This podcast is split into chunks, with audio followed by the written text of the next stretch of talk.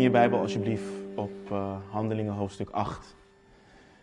Uh, zondag gaan we vers voor vers door het uh, boek Handelingen en vandaag beginnen we in hoofdstuk 8. mocht je geen Bijbel bij je hebben, steek je hand op en we voorzien je van een leenbijbel. En mocht je notities willen maken, dan hebben we ook notitieblokken en pennen beschikbaar die je mag houden. Kun je je voorstellen dat we nog 20 hoofdstukken moeten? Dat is wel. maar um, Handelingen hoofdstuk 8. laten we lezen bidden en uh, de tekst induiken vanaf vers 1. En Saulus stemde van harte in met zijn dood. En er ontstond op die dag een grote vervolging tegen de gemeente die in Jeruzalem was. En zij werden allen verspreid over de landstreken van Judea en Samaria, behalve de apostelen. En godvrezende mannen droegen Stefanus samen naar het graf en bedreven grote rouw over hem. En Saulus begon de gemeente te verwoesten. Hij ging de huizen binnen sleepte mannen en vrouwen mee en leverde hen over in de gevangenis. Zij dan, die overal verspreid waren, trokken het land door en verkondigden het woord. En Filippus daalde af naar de stad van Samaria en predikte hun Christus. En de menigte hielden zich eensgezind aan wat er door Filippus gezegd werd, omdat zij luisterden en de tekenen zagen die hij deed. Want bij velen die onreine geesten hadden, gingen die er onder luid schreeuwen uit en veel verlamden en kreupelen werden genezen. En er ontstond grote blijdschap in die stad. En een zeker man, van wie de naam Simon was, bedreef reeds hiervoor in de stad toverij en deed het volk van Samaria versteld staan, terwijl hij van zichzelf zei dat hij een groot man was. Allen, van klein tot groot, hingen hem aan en zeiden: Deze man is de grote kracht van God. En zij hingen hem aan omdat hij hen lange tijd met toverijen versteld had doen staan. Maar toen zij Filippus geloofden, die het evangelie van het koninkrijk van God en van de naam van Jezus Christus verkondigde, werden zij gedoopt, zowel mannen als vrouwen. En Simon geloofde zelf ook, en nadat hij gedoopt was, bleef hij voortdurend bij Filippus. En toen hij de tekenen en grote krachten zag die er gebeurden, stond hij versteld. Toen de apostelen die in Jeruzalem waren, hoorden dat Samaria het woord van God aangenomen had, stuurden zij Petrus en Johannes naar hen toe. En toen die aangekomen waren, baden zij voor hen dat zij de Heilige Geest mochten ontvangen. Want hij was, op, want hij was nog op niemand van hen gevallen, maar zij waren alleen gedoopt in de naam van de Heer Jezus. Toen legden zij hun de handen op en zij ontvingen de Heilige Geest. En toen Simon zag dat de Heilige Geest gegeven werd door middel van de handoplegging van de apostelen, bood hij hun geld aan en zei: Geef ook mij deze macht, opdat een ieder wie ik de handen opleg de Heilige Geest ontvangt. Maar Petrus zei tegen hem: Laat uw geld met u naar het verderf gaan, omdat u dacht dat Gods gave door geld verkregen wordt. U hebt part nog deel aan deze zaak, want uw hart is niet oprecht voor God. Bekeer u dan van deze slechtheid van u en bid of bid God of deze gedachte van uw hart en u misschien vergeven wordt. Want ik zie dat u zo bitter als schaal bent en een kluwen ongerechtigheid. Maar Simon antwoordde en zei tegen hem: Bid u voor mij tot de Heer, opdat mij niets overkomt van wat u gezegd hebt.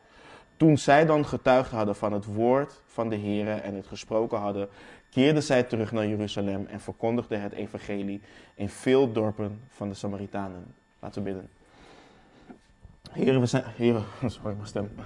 We zijn u dankbaar um, voor de rijkdom in dit gedeelte. We zijn u dankbaar voor het boek Handelingen, Heer. Wat alles wat we daaruit kunnen leren en um, wat u door uw geest in onze harten wilt uh, toepassen.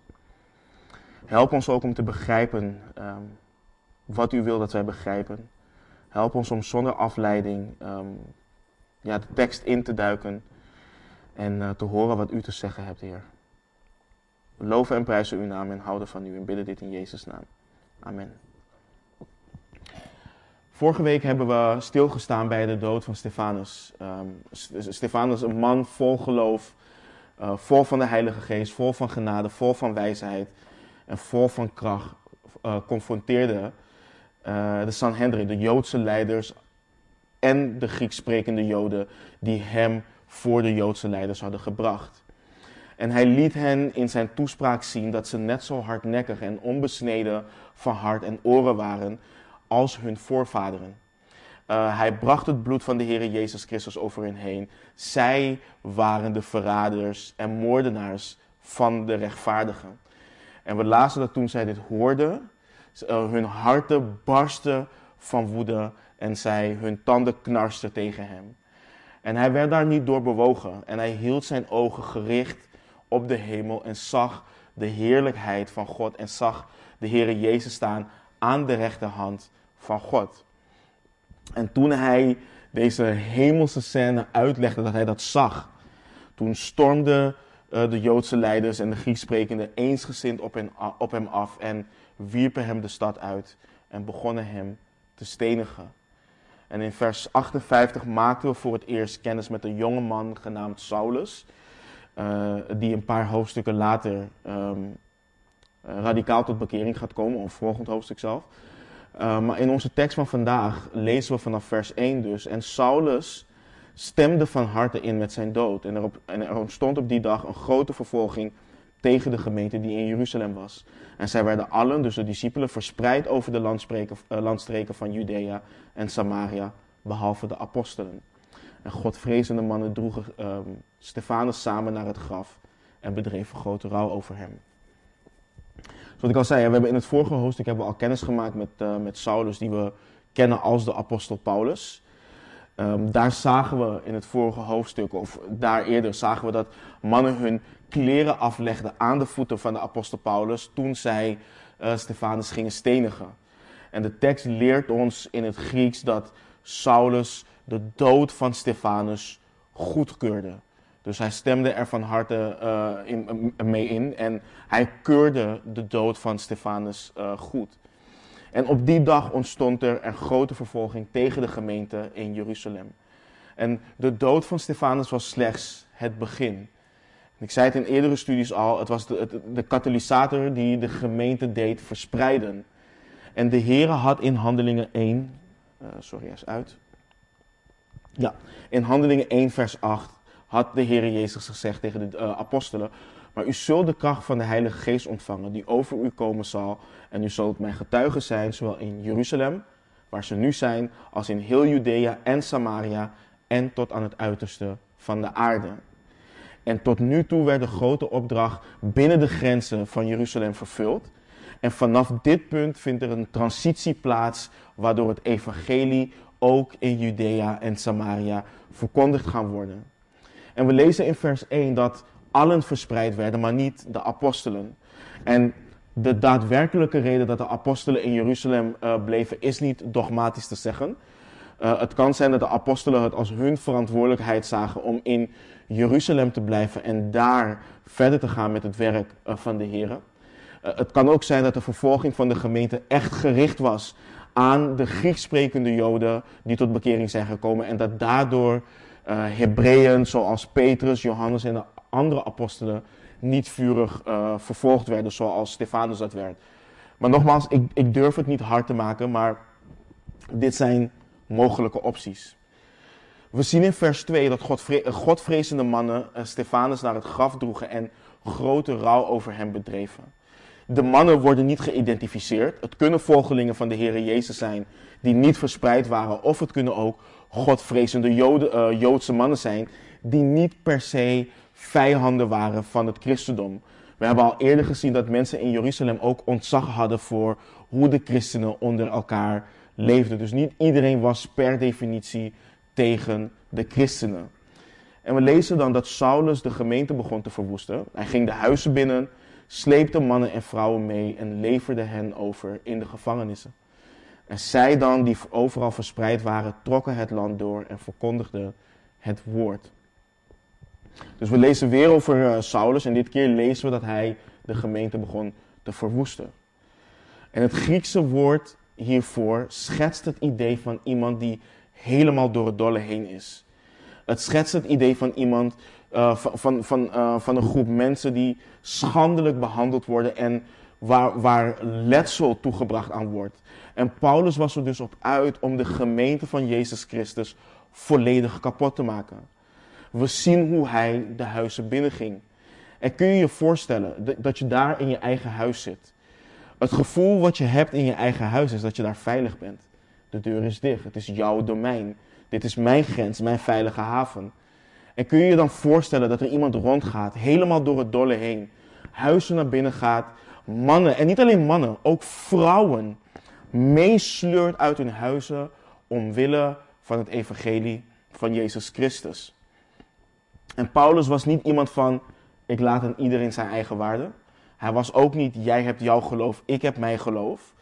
Paulus was een vurige vervolger van de kerk. Hij dacht met deze daad God ook een dienst te bewijzen.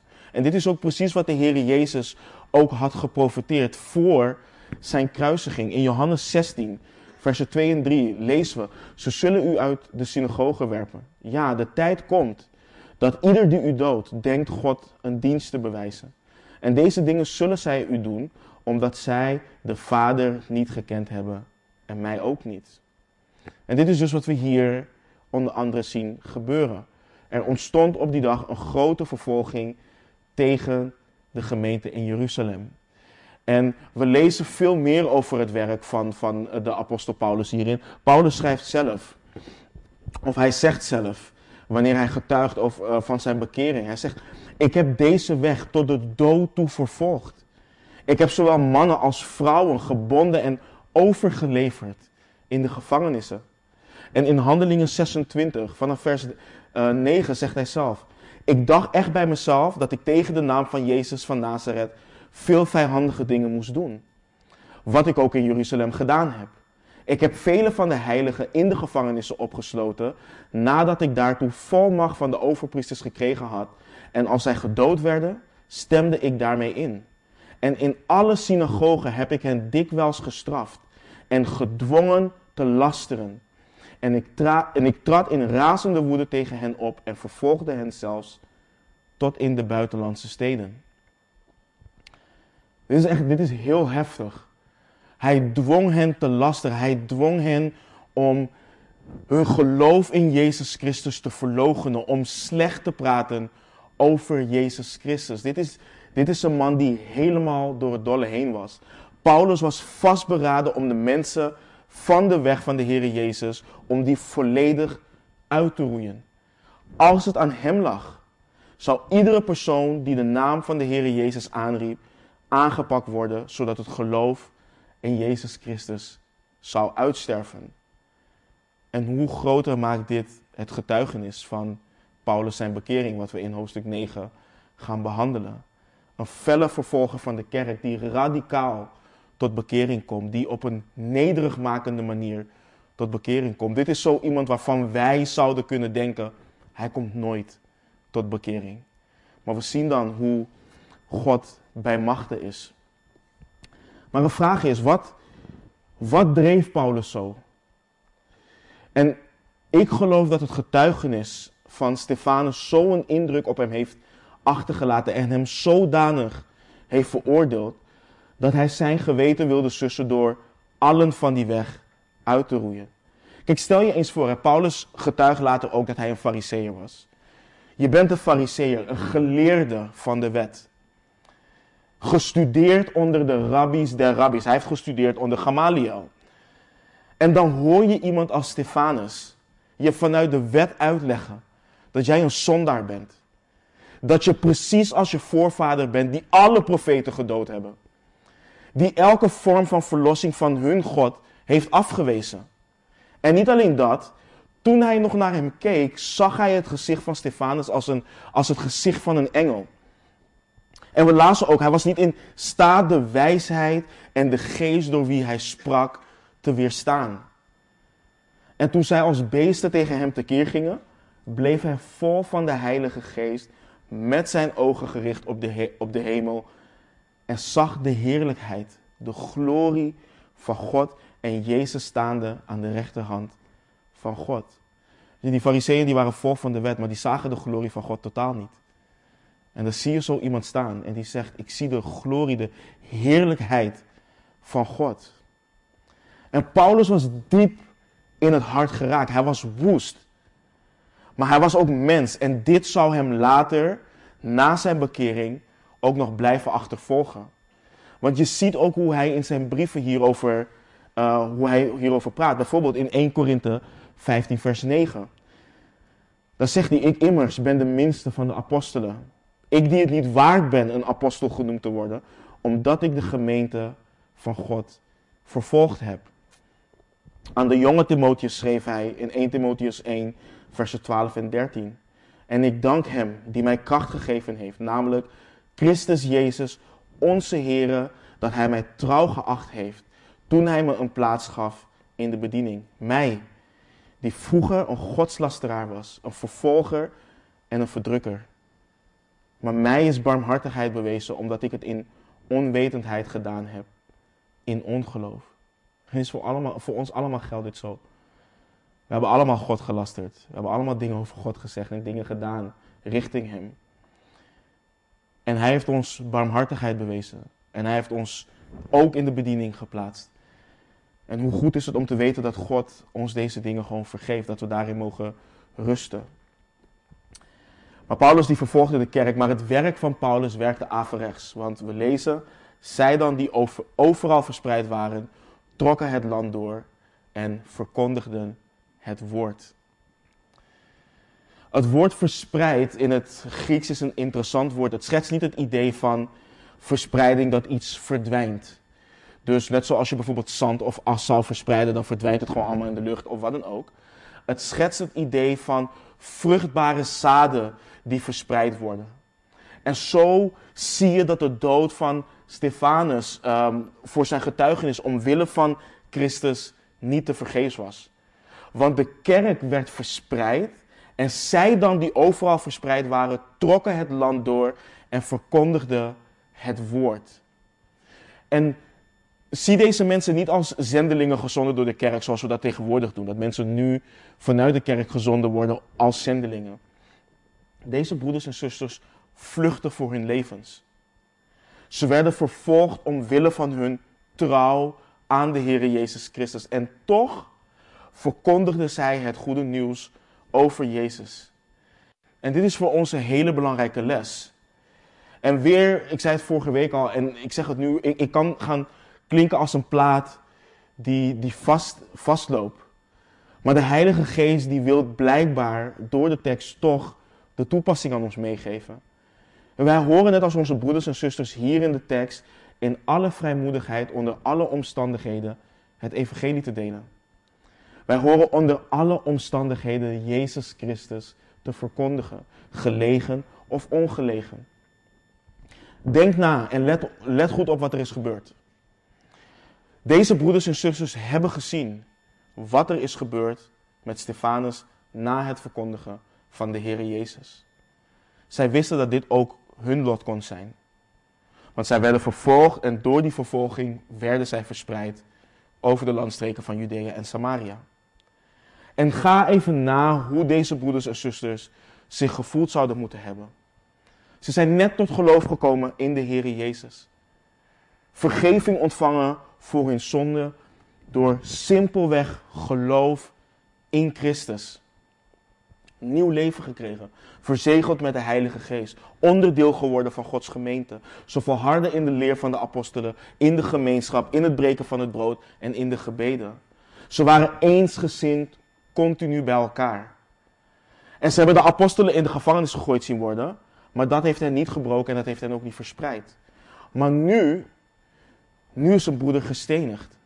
En nu wordt de gemeente heftig vervolgd. En sommige van hun geliefden zaten wellicht zelf vast in de gevangenis of wel, werden wellicht zelf ook gedood.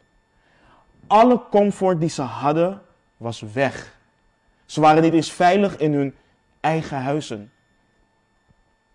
Maar waar ze ook gingen, hoe zij zich ook voelden, ze verkondigden Jezus Christus. Ze grepen het moment aan om het over Jezus Christus te hebben. En daar kunnen wij echt wat van leren. En we moeten God om die vrijmoedigheid vragen. Dat wanneer we vervolgd worden, dat wanneer we verdrukt worden, gesmaad, gelasterd worden, dat God ons gebruikt als middel in zijn handen om Hem te verheerlijken. Dat Hij de situatie gebruikt om Jezus te verheerlijken. En ik haal het nog eens aan, en ik heb het ook vaker gezegd, maar het is, het is belangrijk. De apostelen die bleven in Jeruzalem, de opzieners. Dit waren dus niet de leiders van de kerk die het goede nieuws over Jezus Christus deelden. Want de gedachte, de gedachte heerste niet bij de, vroeger, eh, bij de eerste kerk dat evangelisatie puur iets was voor evangelisten of puur iets was voor opzieners. Iedere christen is een getuige van Jezus Christus. Elke christen moet dus bereid zijn om rekenschap te geven voor de hoop die in hem is wanneer God de gelegenheid daartoe geeft. Let op wat Paulus schrijft aan de Colossense in hoofdstuk 4. Wandel met wijsheid bij hen die buiten zijn. En buiten geschikte tijd uit. Laat uw woord altijd aangenaam zijn, met zout smakelijk gemaakt, opdat u weet hoe u iedereen moet antwoorden. Of Petrus in 1 Petrus 3 eh, vers 15. Maar heilige God, de Heere in uw hart en wees altijd bereid tot verantwoording aan ieder die u rekenschap vraagt van de hoop die in u is. Met zachtmoedigheid en ontzag. Ik weet niet hoeveel van jullie 1 Petrus uh, bestudeerd heeft. Maar deze brief is geschreven aan christenen die vervolgd en verdrukt worden. Aan christenen die verstrooid worden. Net zoals de christenen die we hier lezen in Handelingen 8. En de vraag is dan, hoe zit het met ons? Grijpen wij de momenten aan om de Heer Jezus Christus te verkondigen? Grijpen wij momenten aan, ondanks de mogelijke consequenties, om mensen te vertellen over de hoop die wij hebben en dat die hoop ook voor hen beschikbaar is?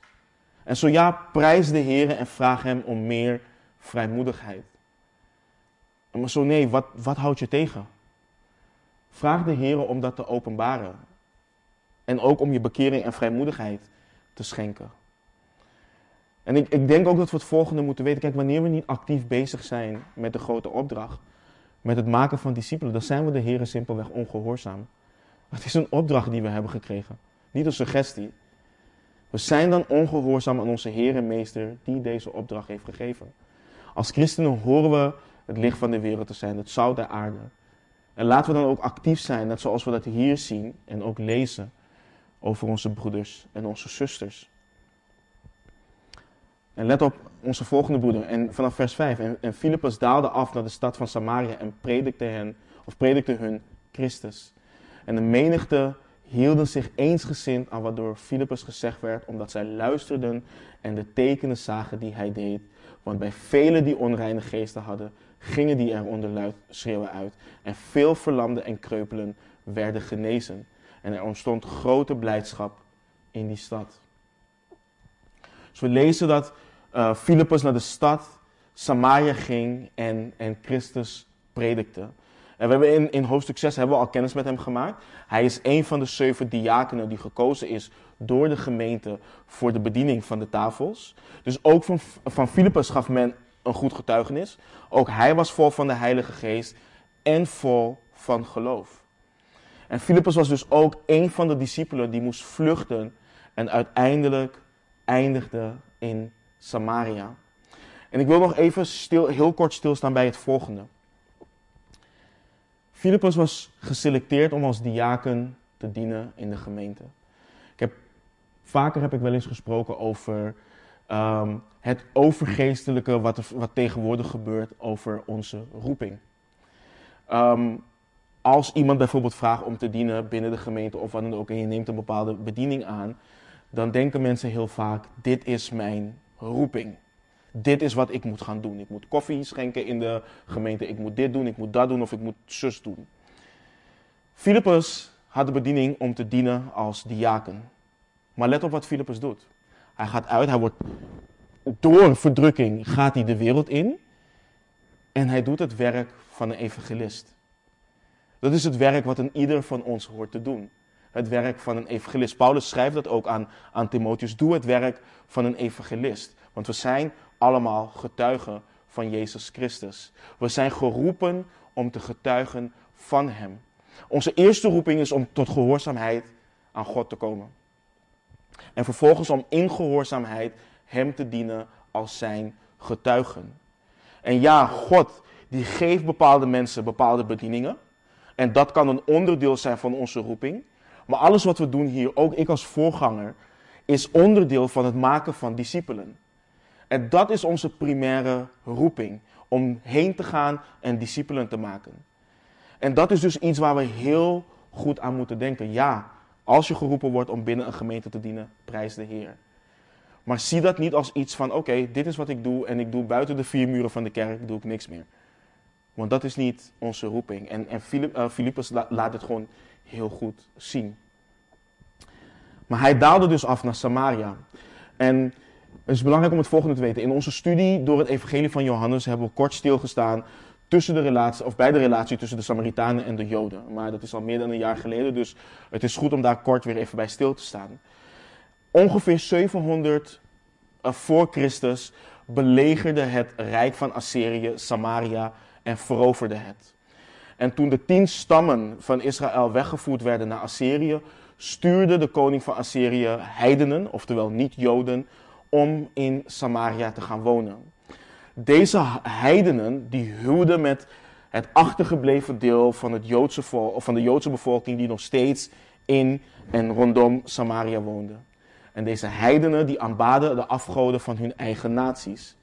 Maar de geschiedenis leert dat er iets, blijkbaar iets gebeurde, dat ze aangevallen werden door leeuwen.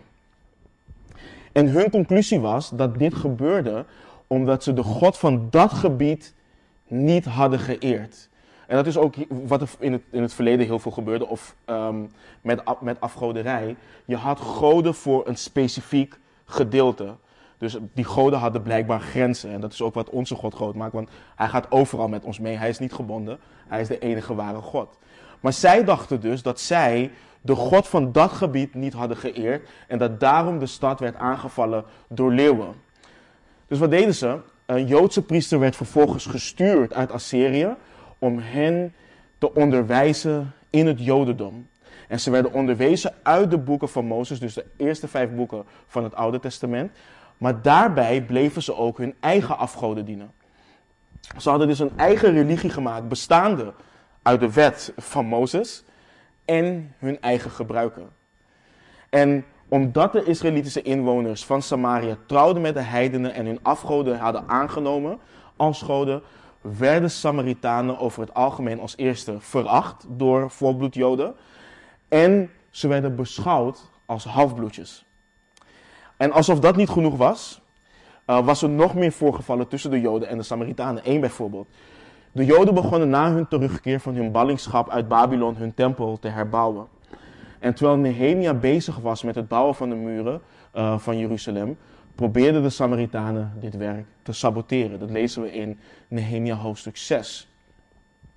En de Samaritanen vervolgens, die bouwden een tempel voor zichzelf op de berg Gerizim, waarvan de Samaritanen volhielden, volhielden dat deze berg door Mozes was aangewezen als de plaats waar het volk moest aanbidden. Vandaar ook de vraag van de Samaritaanse vrouw aan de Heer Jezus: waar moeten wij aanbidden? Op welke berg of welke tempel?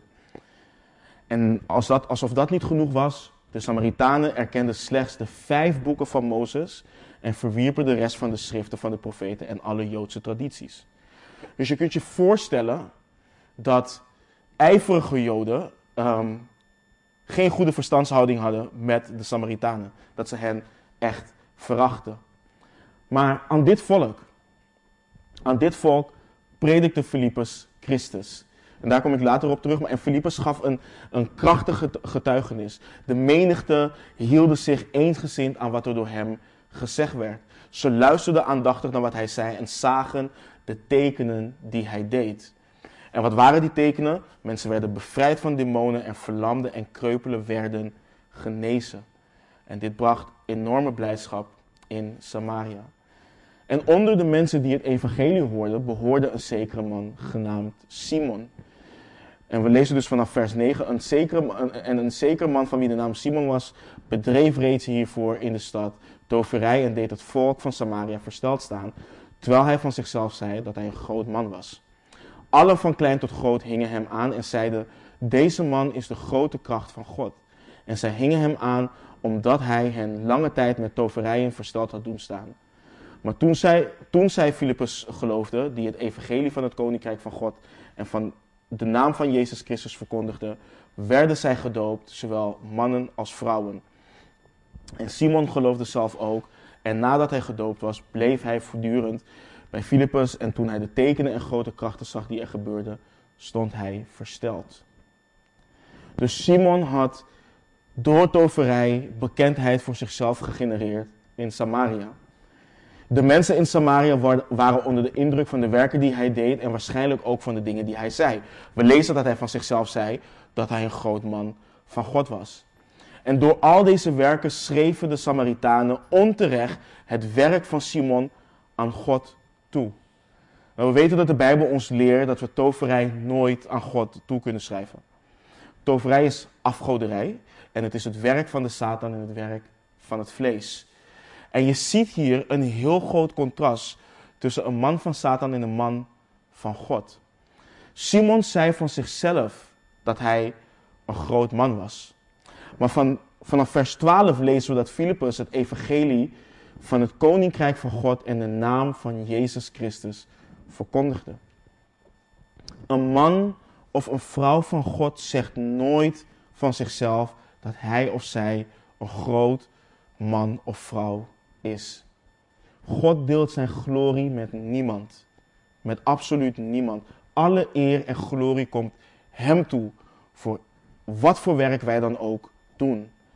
En je ziet hier dus ook dat de Samaritanen geen goed beeld hadden van God en de mensen die Hem dienden. Want een echt man van God verheerlijkt altijd God. Een echt man of vrouw van God wijst altijd naar God en nooit naar zichzelf. En we lezen dus dat hij, dat Filippus het evangelie van het koninkrijk van God verkondigde. Het, het, koninkrijk van God is het rijk waar, waar God heerst. Waar hij koning is, waar hij heerser is. Het gaat om de rechtmatige heerschappij van God over de hele schepping. Vooral over de harten van de mensen op dit moment die in hem geloven. Mensen leven in dit koninkrijk onder de heerschappij van de Heer Jezus, volledig aan Hem onderworpen, in volledige harmonie en vrede met God. En dit is een onzichtbaar koninkrijk. Het is zichtbaar wel door de kerk natuurlijk, maar het is een onzichtbaar koninkrijk. Dit in tegenstelling tot wat je in de charismatische beweging hoort over het feit dat wij nu hier op aarde op dit moment het koninkrijk van Jezus moeten bouwen en klaarmaken opdat Hij hier op aarde komt regeren. Is ook wat je hoort over de bedieningen, over de vier of vijfvoudige bedieningen. Dat wij ook plaatsen moeten innemen in, op scholen, in het onderwijs, in de politiek en, en noem maar op. Opdat het koninkrijk van Christus hier op aarde gevestigd wordt. En dat is, dat is complete nonsens. Uh, wanneer we praten over het koninkrijk van God, hebben we het niet over een aards koninkrijk. De Heere Jezus zei zelf tegen Pilatus in Johannes 18, 36. Mijn koninkrijk is niet van deze wereld. Als mijn koninkrijk van deze wereld was, zouden mijn dienaars gestreden hebben. Opdat ik niet aan de Joden overgeleverd zou worden, maar nu is mijn koninkrijk niet van hier. En het is waar, kijk, als de Heere Jezus zijn koninkrijk hier was, dan, hadden zijn, dan had hij zijn discipelen laten strijden voor hem. Maar wanneer hij hier komt, dan komt hij met zijn hemelsleger. En dat is een heel ander geval. Dat is het hemelskoninkrijk. Maar een belangrijke vraag wat ieder mens zichzelf moet stellen wanneer hij of zij geconfronteerd wordt met het koninkrijk van God, is hoe word ik onderdeel van dit koninkrijk? Hoe word ik een burger van Gods koninkrijk? En de Heere Jezus legt dit uit in Johannes 3. Versen die de meesten van ons kennen, maar versen die enorm belangrijk zijn om toch te lezen. Het beroemde gesprek tussen de Heere Jezus en een fariseer genaamd Nicodemus. Johannes 3 vanaf vers 1. Dan lezen we, en er was een mens uit de fariseeën. Zijn naam was Nicodemus, een leider van de Joden. Deze kwam s'nachts naar Jezus en zei tegen hem, Rabbi, wij weten dat u van God gekomen bent als leraar. Want niemand kan deze tekenen doen die u doet als God niet met hem is. Jezus antwoordde en zei tegen hem, Voorwaar, voorwaar, ik zeg u, als iemand niet opnieuw geboren wordt, kan hij het koninkrijk van God niet zien. Nicodemus zei tegen hem: Hoe kan een mens geboren worden als hij oud is? Hij kan toch niet voor de tweede keer in de buik van zijn moeder ingaan en geboren worden? Jezus antwoordde: Voorwaar, voorwaar, ik zeg u: Als iemand niet geboren wordt uit water en geest, kan hij het koninkrijk van God niet binnengaan. Wat uit het vlees geboren is, is vlees, en wat uit de geest geboren is, is geest. Verwonder u niet dat ik tegen u gezegd heb: U moet opnieuw geboren worden. De wind waait, waarin hij, waait waarheen hij wil. En u hoort zijn geluid, maar u weet niet waar hij vandaan komt. En waar hij heen gaat, zo is het met iedereen die uit de geest geboren is. Nicodemus stelde dan, of antwoordde en, zei, heel belangrijk, hoe kunnen deze dingen gebeuren? Nogmaals, dit koninkrijk is een geestelijk koninkrijk en de Heer Jezus zegt hier iets heel essentieels en heel belangrijk. Een burger worden van Gods koninkrijk is niet simpelweg intellectueel erkennen dat Jezus hier op aarde heeft geleefd, gewandeld, gestorven is en is opgestaan. En ik zeg heel bewust simpelweg intellectueel.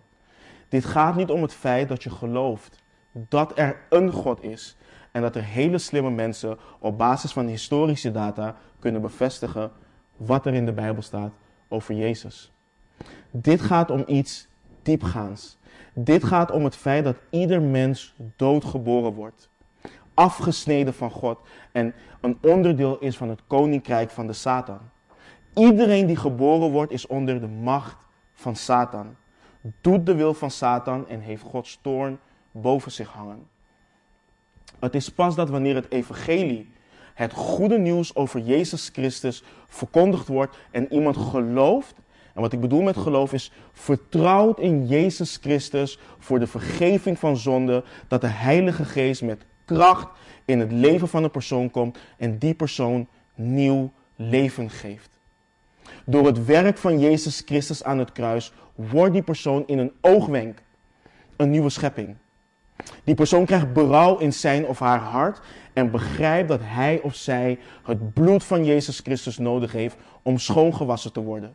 Die persoon begrijpt dat hij of zij een nieuw hart nodig heeft en dat alleen God die persoon dit kan geven. En ik verkondig dit iedere week. En lieve mensen, kijk, jullie weten dat ik enorm hou van de rijkdom in de schrift. En dat ik enorm hou van alle doctrine die we in de schrift vinden en dat ik daar dolgraag over onderwijs. Maar als ik ooit word gedwongen om maar één ding te onderwijzen, dan is dit de boodschap die ik voor altijd zal blijven verkondigen. En dat is het bloed van Jezus Christus. Mensen moeten opnieuw geboren worden. Het is niet simpelweg dat iedereen die beleidt, en we gaan het zo meteen met Simon zien. Het is niet zomaar dat iedereen die beleidt een christen te zijn, dat ook daadwerkelijk is. De wedergeboorte moet gepredikt worden en dat moet ook gebeuren. En ik zal de rest van mijn leven dan blijven verkondigen dat Christus is gestorven voor mensen. En ik blijf het ook verkondigen in een kerk vol met beleidende christenen. En dat hij is gestorven voor de zonde van mensen overeenkomstig God, uh, wat God heeft uh, overgeleverd in de Heilige Schriften, in de Bijbel. En dat hij begraven is. En dat hij op de derde dag is opgewekt overeenkomstig die schriften. En dat hij zichzelf vervolgens levend aan zijn apostelen en meer dan 500 discipelen heeft laten zien. En dat dit goede nieuws niet alleen het enige is wat mensen nodig hebben, dat dit het enige goede nieuws is wat de mens heeft. Ik zal dan de rest van mijn leven blijven verkondigen dat ieder mens zondig is en het eeuwig oordeel van God hen te wachten staat maar dat Jezus die straf voor hen gedragen heeft aan het kruis en dat zij zich moeten bekeren en geloven in de naam van Jezus Christus. Dat is de taak van iedere opziener, van iedere voorganger, van iedere christen. De wedergeboorte moet gepredikt worden. Want we zijn tegenwoordig bezig, en ik, ik, ik, ik hoorde het laatst en ik dacht, dit is zo waar. We horen wanneer de Heer Jezus Christus komt en de bokken en, de, en, en, en en de geiten zal scheiden van de schapen. En we zijn bezig met het discipelen van bokken en geiten en het dopen van hen in plaats van het discipelen van schapen van Jezus Christus. Ieder mens moet zichzelf afvragen: ben ik een wedergeboren christen? Is de Heilige Geest met kracht in mijn leven gekomen en heeft Hij mij nieuw leven gegeven in Jezus Christus? En wat betekent het om in de naam van Jezus te geloven? Zijn naam gaat niet per se om hoe hij heet. Het gaat om wie hij is en wat hij gedaan heeft. Het omvat alles wat betreft Jezus Christus. Dat Hij de Zoon van God is. Dat Hij God de Zoon is. Dat Hij de Schepper van hemel en aarde is. Dat Hij de Koning der Koningen is. Dat Hij, de Zoon van God, zijn heerlijkheid heeft afgelegd. Naar aarde is gekomen als mens en geboren is uit een maagd. Dat hij wonderen en tekenen heeft gedaan. Dat hij almachtig is, alwetend, genadig, liefde, barmhartigheid, toornig, rechtvaardig, heilig en ga zo maar door. Dat hij zonder zonde hier op aarde heeft geleefd als mens, omdat de zonde geen macht over hem had. Dat hij omkeek naar zondaren en die zocht om hun zielen zalig te maken. Lieve mensen, God had de wereld zo lief dat hij zijn enige geboren zoon heeft gegeven opdat ieder, ieder mens die in hem gelooft niet verloren gaat, maar eeuwig leven heeft. Wat doet dit met ons? Om die macht te hebben, om de macht te hebben om mensen te kunnen behouden die geloven in jouw naam, in wat jij doet, kan je niets anders en niets minder maken dan God. Alleen God kan die macht hebben om mensen te behouden die in Hem geloven. En Filippus moet ongetwijfeld dit en meer hebben verkondigd aan de Samaritanen. En dit is wat ik hier verkondig. En je zit hier vandaag en ik vraag je, en ik vraag het nog een keer. En die vraag moet je in het verborgene van je hart beantwoorden. Geloof jij? Ben je opnieuw geboren? Heeft God je een nieuw hart gegeven? Heeft Hij het hart van steen weggehaald, weggenomen uit jouw binnenste en je een hart van vlees gegeven? En ik heb het niet over een volmaakt persoon zijn. Ik heb het over het hart wat steeds meer gaat verlangen naar de dingen van God. Het hart wat zeker weet en rust heeft in het feit dat het vergeven is door God. Het hart wat zich steeds meer gaat afkeren van zonde en gaat leven voor de glorie van God. Dat gaat leven voor God. Als de Heilige Geest jou de overtuiging geeft dat dit zo is, prijs de Heer, want alleen Hij kan jou deze zekerheid geven. Ik kan slechts naar God, het lam van God, ik kan slechts naar Jezus, het lam van God, wijzen dat jouw zonde kan wegnemen door zijn offer aan het kruis. Maar als je hier nu zit en de angst je overvalt, of je realiseert dat je altijd hebt beleden in God te geloven, maar nu niet zeker weet of je daadwerkelijk een kind van zijn koninkrijk bent, wend je alsjeblieft tot de Heer Jezus Christus. Dat is het enige wat ik tegen je kan zeggen. Hij wil jou aannemen als zijn kind. Geloof in Hem. Vertrouw in Hem. Vraag Hem om een nieuw hart. Vraag Hem om nieuw leven en vraag Hem om de vrede en vreugde wat daarbij hoort. Net zoals we zien bij de Samaritanen. Ik, jullie horen de ernst in mijn stem. Luister aandachtig naar mijn woorden. Geloof en leef. De Samaritanen luisterden aandachtig en geloofden. En zij lieten zich dopen. En kijk naar het contrast. Kijk, Simon geloofde zelf ook. En nadat hij gedoopt was, bleef hij voortdurend bij Filippus. En toen hij de tekenen en grote krachten zag die er gebeurden, stond hij versteld. Dat staat er. En dan lezen we verder. Toen de apostelen die in Jeruzalem waren, waren hoorden dat Samaria het woord van God aangenomen had, stuurden zij Petrus en Johannes naar hen toe. En toen die aangekomen waren, baden zij voor hen dat zij de Heilige Geest mochten ontvangen. Want hij was, op, want hij was nog op niemand van hen gevallen. Maar zij waren alleen gedoopt in de naam van de Heer Jezus. Toen legden zij hun de handen op en zij ontvingen de Heilige Geest. Het nieuws over de opwekking in Samaria heeft Jeruzalem bereikt. De apostelen hebben gehoord dat ze daar het woord van God hebben aangenomen en daarop werden Petrus en Johannes naar hen toegestuurd. En toen Johannes en Petrus daar kwamen, merkten zij waarschijnlijk dat de Heilige Geest nog niet op hen gevallen was en baden zij dat de Samaritanen de Heilige Geest mochten ontvangen. Het enige wat zij wisten is dat de Samaritanen geloof hadden en gedoopt waren in de naam van de Heer Jezus. Het is trouwens niet anders dan de doop van de doop in de naam van de Vader, van de Zoon en van de Heilige Geest. Ehm, maar dat is de doop die zij um, ondergaan zijn. En toen zij, dus de discipelen of de apostelen hen de handen oplegden, ontvingen zij de Heilige Geest.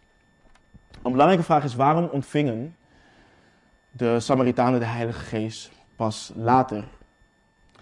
En ik geloof dat, het, dat God het geven van de Heilige Geest heeft onthouden, zodat de vroege kerk niet zou worden opgesplitst in een Joodse tak en een Samaritaanse tak. De Samaritanen die, die, die geloofden, die moesten onderworpen zijn aan het gezag van de apostelen, ook al hielden ze niet van nature van de Joden.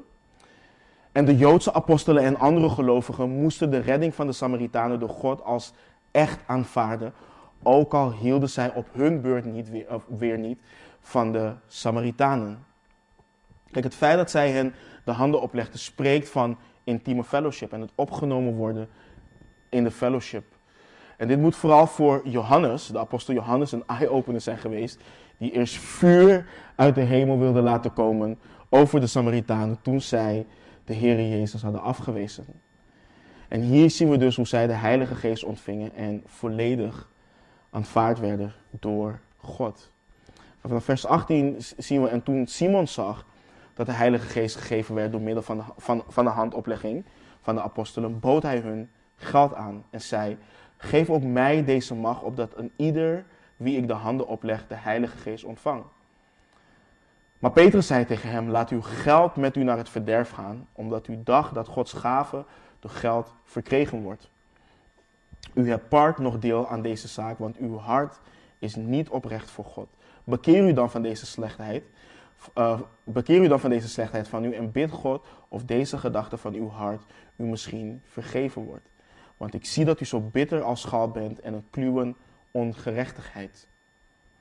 Dus Simon was onder de indruk van het feit dat de Heilige Geest werd gegeven door middel van handenoplegging.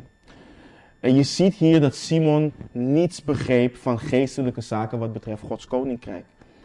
Zoals hij keek naar zijn toverij, zo keek hij ook hier naar de geestelijke zaken. Hij zag het slechts als iets wat hem kon helpen in het maken van een naam voor zichzelf. Hij dacht waarschijnlijk dat dit een trucje was en zag het onderscheid tussen het koninkrijk van God en van de Satan zag hij niet. En veel mensen zijn verdeeld over het feit of um, Simon daadwerkelijk bekeerd was. Ik geloof dat je uit het antwoord van Petrus en ook uit het gedrag van Simon kan zien dat hij niet uh, wedergeboren was. En dat kun je opmaken. Kijk, Petrus zegt dat zijn geld hem moet volgen naar het verderf.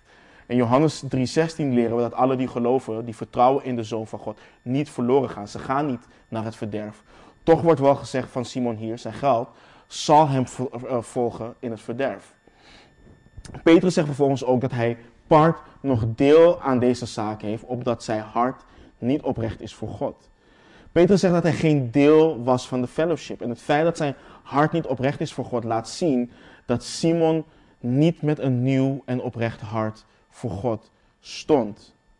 En laat Simon voor ons allemaal een waarschuwing zijn. Laat het voor ons een waarschuwing zijn dat niet omdat iemand beleidt een christen te zijn, hij of zij dat ook daadwerkelijk is. Kijk, vooropgesteld, wij beoordelen niet of iemand wedergeboren is of niet. Wij bepalen dat niet. Maar de Heer Jezus zei wel dat je zijn volgelingen kunt herkennen aan, hen, hun vruchten. En Simon laat totaal geen vrucht van bekering zien. Maar hij laat vrucht zien van iemand die nog naar het vlees leeft. Van iemand die nog gedreven wordt door aanzien en door geld. En Petrus roept Simon dus op om zich te bekeren en bidden tot God, opdat God hem misschien vergeeft voor de gedachten van zijn hart. Want aan zijn vrucht zag, Simon dat, uh, zag Petrus dat Simon zo bitter als schaal was en een kluwe ongerechtigheid. Maar Simon antwoordde en zei tegen hem: Bid u voor mij tot de Heer, opdat mij niets overkomt van wat u gezegd hebt. En toen zij, dan getuigde, toen zij dan getuigd hadden van het woord van de Heer en het gesproken hadden, keerden zij terug naar Jeruzalem en verkondigden het evangelie in veel dorpen van de Samaritanen. De reactie van Simon laat zien dat hij Petrus als een soort middelaar tussen hem en God inzag. Um, terwijl als Simon de boodschap van Filippus daadwerkelijk begrepen had en geloofd had um, en een nieuw hart had ontvangen, wist hij dat er maar één middelaar tussen God en mensen is. En dat is Jezus Christus. En je ziet dat Simon geen berouw had over de dingen die hij had gedaan. Hij had slechts berouw van de dingen die hem zouden overkomen. Dezelfde reactie um, als Kain, die geen berouw had over het doodslaan van zijn broer, maar slechts berouw had over het oordeel wat God over hem had uitgesproken in Genesis 4. Dus kijk, mensen die berouw hebben, die hebben daadwerkelijk berouw over hun zonde. Ze hebben niet per se berouw over de consequenties. Ze hebben ook berouw over de consequenties die natuurlijk vastzitten aan de zonde. Maar iemand met een onbekeerd hart heeft alleen berouw over de consequenties die volgen op de zonde. Terwijl iemand met een oprecht hart berouw heeft van het feit dat ze daadwerkelijk hebben gezondigd richting God. En je ziet dat totaal niet terug bij uh, Simon. En we lezen in vers 25 dat zij daar getuigden van de Heer en vervolgens terugkeerden naar, naar Jeruzalem. Maar onderweg terug aan de Samaritanen het evangelie verkondigden in verschillende steden of in verschillende dorpen. Ik wil graag stilstaan en uh, eindigen met een, een, aantal belangrijke observaties en toepassingen voor ons als kinderen van de Heer. Als eerste wil ik stilstaan bij het volgende. Het hart van het evangelie is Jezus Christus en geloof in Hem. We lezen dat Filippus het woord met hen deelde. Hij deelde Christus met hem. Dit is voor mij een van de bewijzen, ik zeg, ik zeg één van de bewijzen, dat het evangelie van Jezus Christus daadwerkelijk van God is. Het maakt niet uit waar het evangelie naartoe gaat. Het maakt niet uit wie het bereikt. Het heeft hetzelfde effect op ieder mens en op iedere cultuur. Het evangelie van Jezus transformeert de levens van mensen wanneer zij verzoend worden met God door hun geloof in Jezus Christus. En alleen het evangelie heeft de kracht om dat te doen. Alleen het evangelie van Jezus Christus heeft de kracht om mensen te bevrijden van toverij, van pornografie, van liegen, van stelen, van lust, van losbandigheid en ga zo maar door. De islam heeft die kracht niet. Hindoeïsme heeft die kracht niet. Het boeddhisme heeft die kracht niet. Atheïsten hebben die kracht niet. En begrijp me niet verkeerd. Mensen kunnen zich inspannen en zich losmaken van bepaalde verslavingen en noem maar op. Een mens kan dat. Maar geen mens, geen enkel mens kan zichzelf losmaken, vrijmaken van de zonde. Geen enkel mens kan uit zichzelf, zich, uh, zichzelf vrijmaken als slaaf van de zonde. Alleen geloof in Jezus Christus kan dat. Alleen Jezus Christus, die de weg, de waarheid en het leven is, kan een mens vrijmaken. Alleen Hij kan, kan banden breken. Alleen Hij kan daadwerkelijk verlossen. En daarom nogmaals moet altijd het hart van onze verkondiging aan mensen, aan de verlorenen om ons heen, zijn geloof in Jezus Christus voor de vergeving van zonden. Niet Jezus Christus kan je huwelijk redden. Niet Jezus Christus kan je een nieuwe baan geven. Niet Jezus kan die en die problemen wegnemen. Al die dingen zijn waar.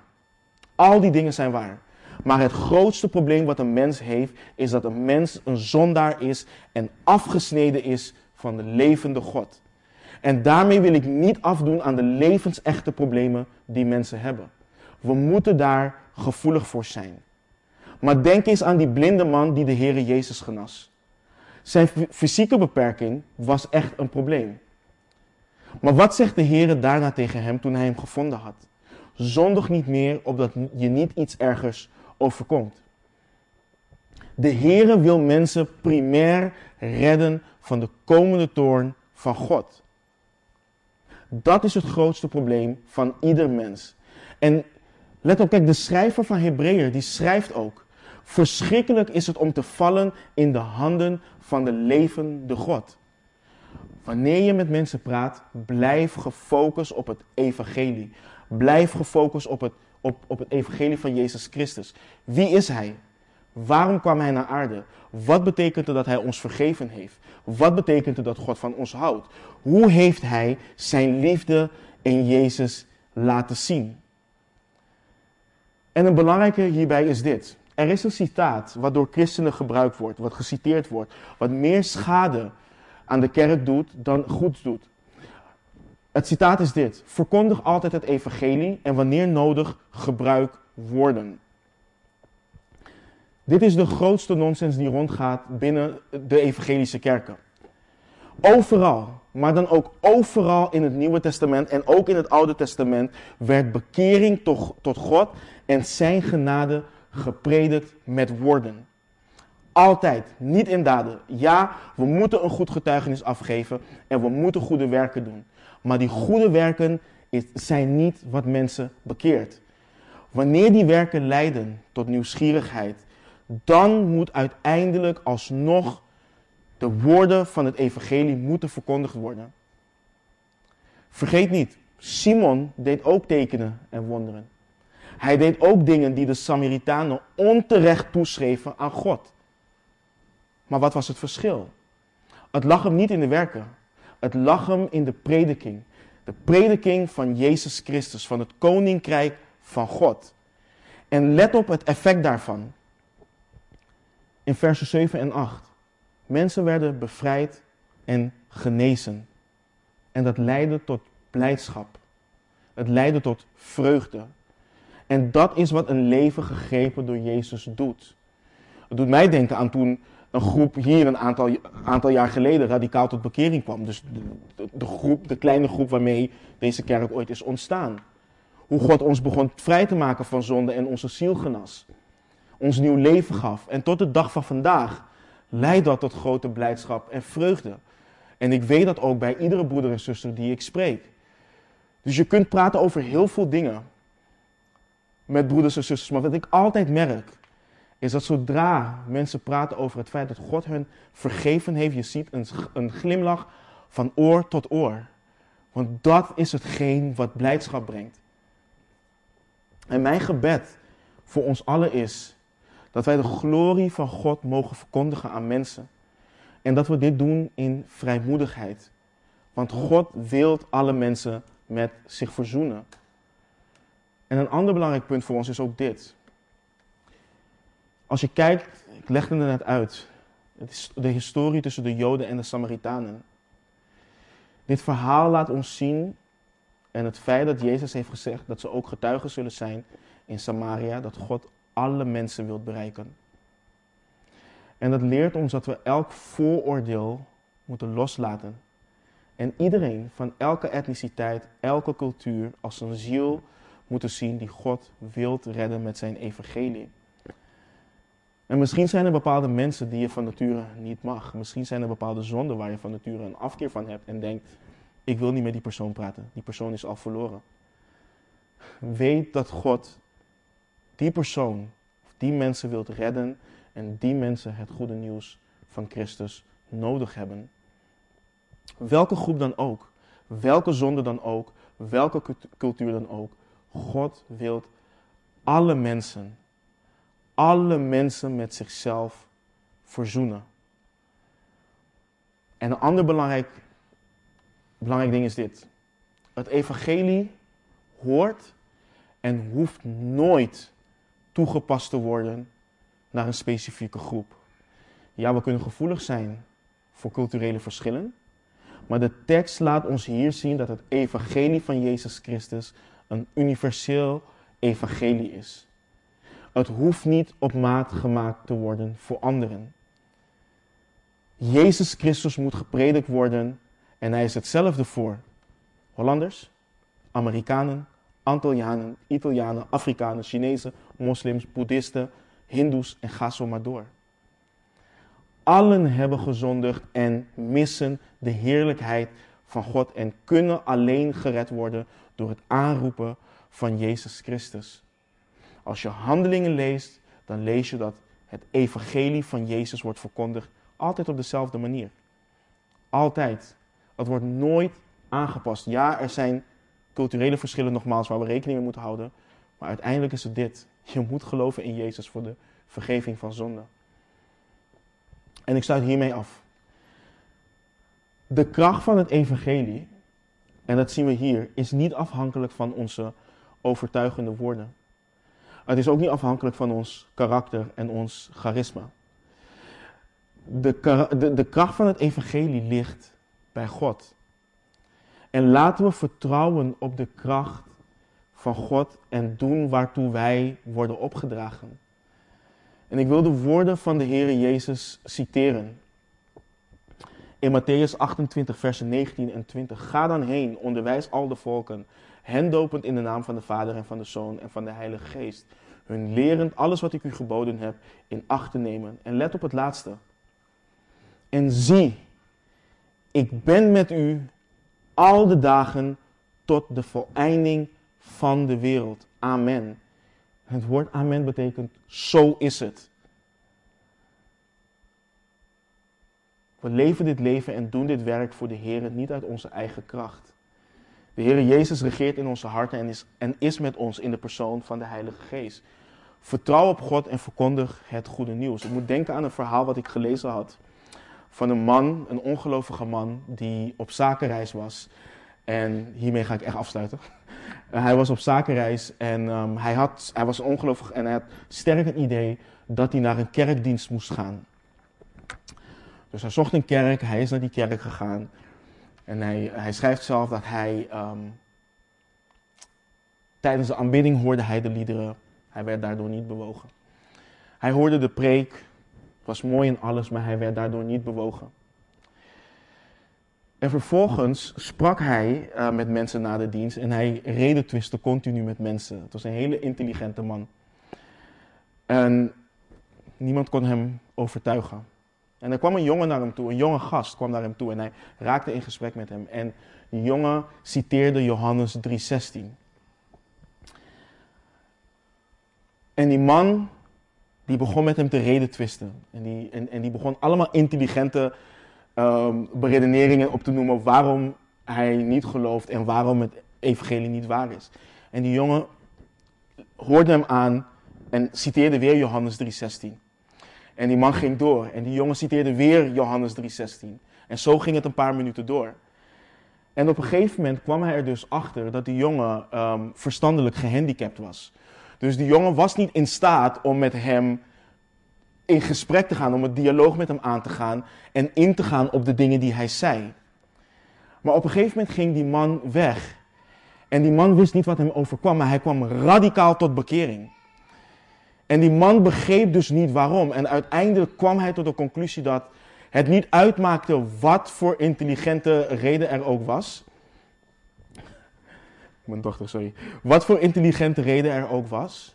Johannes 3:16, het feit dat God zijn enige zoon heeft gegeven, opdat ieder die in hem gelooft um, niet verloren gaat, dat, dat is met zoveel kracht in zijn hart en in zijn verstand geland, dat hij tot bekering is gekomen.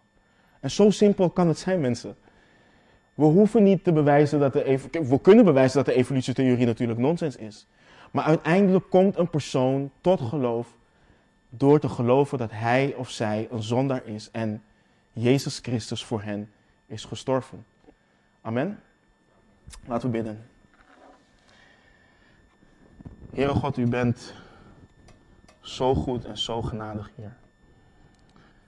Heer, ik dank u voor het getuigenis van onze broeder Filippus in uh, Samaria. Ik dank u voor het feit dat u hem uw geest gegeven heeft, Heer. En dat hij uw zoon predikte.